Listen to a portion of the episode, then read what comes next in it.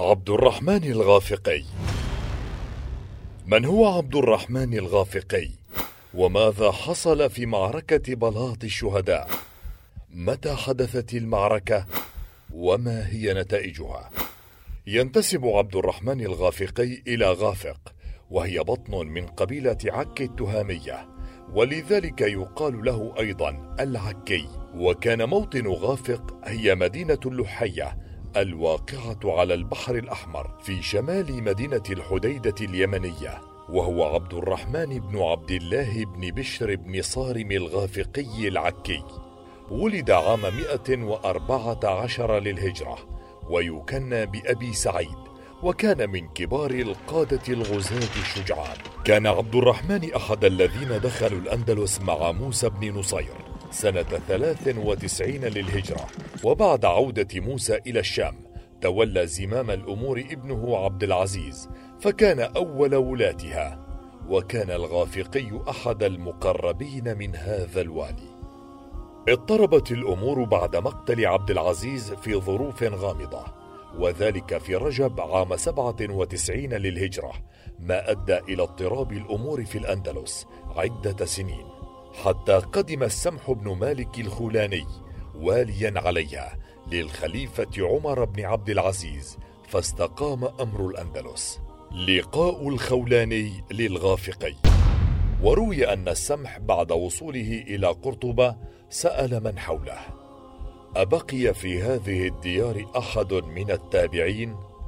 فقالوا نعم إنه ما يزال فينا التابعي الجليل عبد الرحمن بن عبد الله الغافقي ثم ذكروا له علمه بكتاب الله وفهمه لحديث رسول الله وبلاءه في ميادين الجهاد وتشوقه إلى الاستشهاد وزهده بعرض الدنيا. ثم قالوا له إنه لقي الصحابي الجليل عبد الرحمن بن عمر وأنه أخذ عنه ما شاء الله أن يأخذ وتأسى به أعظم التأسي. فدعاه السمح إلى لقائه وقعد ساعة من نهار يسأله عن كل ما عن له.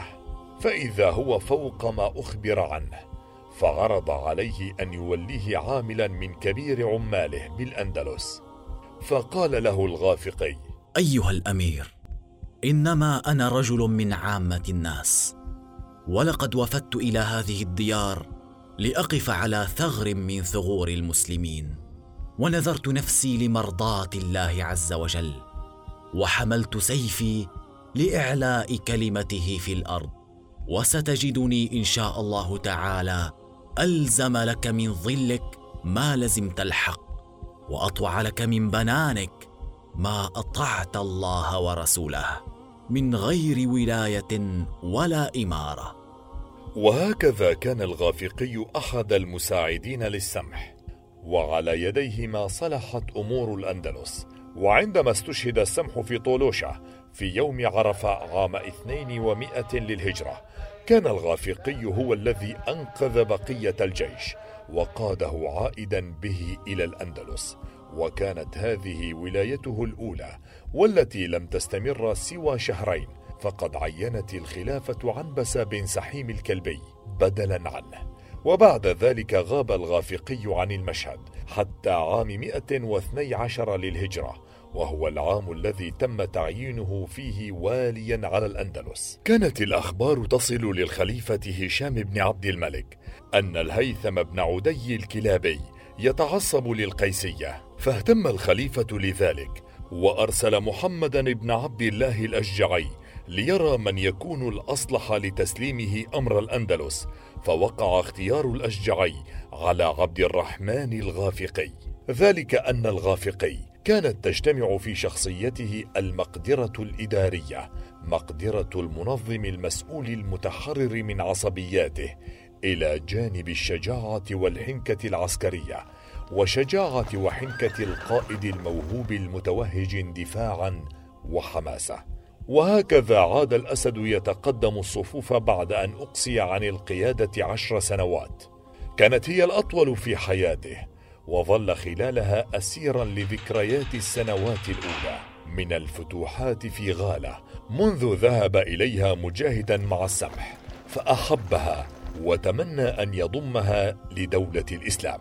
التحضير لغزو فرنسا. وكانت هزيمة المسلمين في طولوشا قد تركت أثرا عميقا في نفس عبد الرحمن الغافقي وجعلته يتحين الفرصة للعودة لقيادة الجيش ثانية للثأر من الفرنجة لما أصاب إخوانه المجاهدين على أيديهم. في ذلك الحادث الجلل وليخرس ألسنة أولئك المرجفين. وليخرس ألسنة أولئك المرجفين. الذين نشروا الإشاعات السيئة التي تنتقص من شجاعة ومقدرة قواد ذلك الجيش وبالتالي المضي قدما بالفتوحات إلى أقصى مدى يستطيع بلوغه. وها هي الخلافة؟ قد ألقت بين يديه بزمام القيادة أخيرا من دون أن تبدر منه أي بادرة تشي بتهافته عليها ومن دون أن يتخلى عن وقاره ونكرانه لذاته. ولم يلبث عبد الرحمن الغافقي سوى فترة قصيرة حتى أعلن النفير العام للجهاد فتدفق نحوه المقاتلين من جميع أنحاء الأندلس وكيف لا يكون كما كان وهو من قال عنه الذهبي عبد الرحمن بن عبد الله الغافقي أمير الأندلس وعاملها لهشام بن عبد الملك. روى عن ابن عمر في أوائل سنة 114 للهجرة. خرج هذا القائد الكبير للغزو وكان يقود أكبر جيش سيره المسلمون لفرنسا منذ الفتح ولكنه لم يكن مئات الآلاف كما تزعم الروايات الكنيسية. إنما كان يتراوح بين خمسة عشر ألفا وخمسة وعشرين ألفا. عبر الغافقي جبال ألبرت وأرسل حملة بحرية صغيرة من برشلونة استولت على مدينة أرل نظرا لأهمية موقعها عند مصب نهر الرون وذلك لتأمين الجهة الشرقية من فرنسا أثناء التحرك شمالا بعد أن عبر الغافقي وجيشه جبال ألبرت بسلام. اخترقت الكتائب الإسلامية مقاطعة غسقونيا وعبرت نهر الجارون وافتتحت طولوشا واكتسح النصف الجنوبي من فرنسا كله من ليون ونهر الرون شرقا إلى المحيط الأطلسي وخليج بسكاي غربا ومن جبال ألبرت والبحر المتوسط جنوبا حتى نهر الراين شمالا وحدث ذلك كله في بضعة أشهر فقط.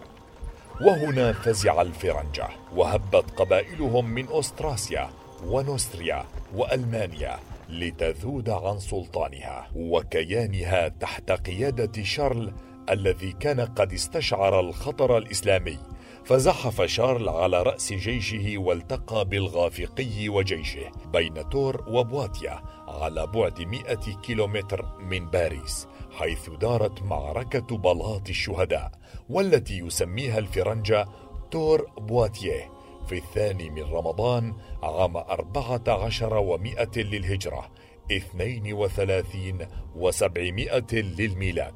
معركة بلاط الشهداء. بينما كان الجيش الإسلامي يواصل زحفه بين مدينة بواتية والتور كان جيش مارتل قد انتهى إلى نهر اللوار وهي المنطقة القريبة من مناطق تمركز المسلمين.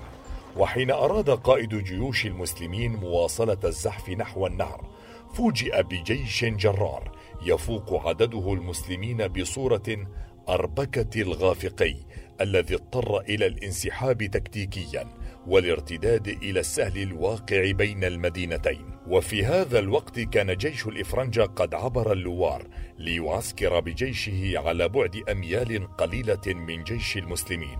اندلعت المواجهات بين الجيشين في رمضان واستمرت قرابة تسعة أيام شهدت خلالها موجات مد وجذر بين الجيشين غير أنها لم تسفر عن انتصار ساحق لأي من الطرفين. وبينما كان يمني المسلمون أنفسهم بالانتصار في اليوم العاشر وإذ بفرقة من فرسان جيش مارتل تخترق صفوف المسلمين. نجحت هذه الفرقة التي اخترقت الصفوف على حين غرة في تقسيم الجيش إلى قسمين حتى وصلت إلى موضع الغنائم. الأمر الذي أصاب جيش عبد الرحمن الغافقي بالفزع خاصة بعد فشله في إعادة تنظيم صفوفه حتى أصابه سهم فقتله ومع قدوم الليل ارتأى جيش المسلمين التوجه نحو سبتمانيا وتفضيل خيار التراجع.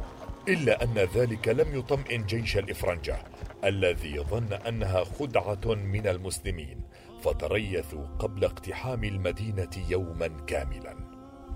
ختاما. من أهم نتائج هذه المعركة كانت تمثل الحد الفاصل بين الدولة الإسلامية ودول أوروبا. أعطت أوروبا الفرص لتقليص النفوذ الإسلامي في شمال إسبانيا. أثارت معركة بلاط الشهداء جدلا بين المؤرخين. فمنهم من يرى أنها كانت معركة فاصلة في تاريخ أوروبا وأن شارل مارتل أنقذ المسيحية وأوروبا من فتح إسلامي. كان بمقدوره أن يخضع كل شيء في القارة العجوز تحت السيطرة. ويمثل هذا الرأي المؤرخ إدوارد جيبون في كتاب اضمحلال الإمبراطورية الرومانية. وبغض النظر عن بقية الآراء فإن تلك المعركة كانت وبحق علامة فارقة في تاريخ أوروبا حيث توقف المد الإسلامي بعدها نحو أوروبا.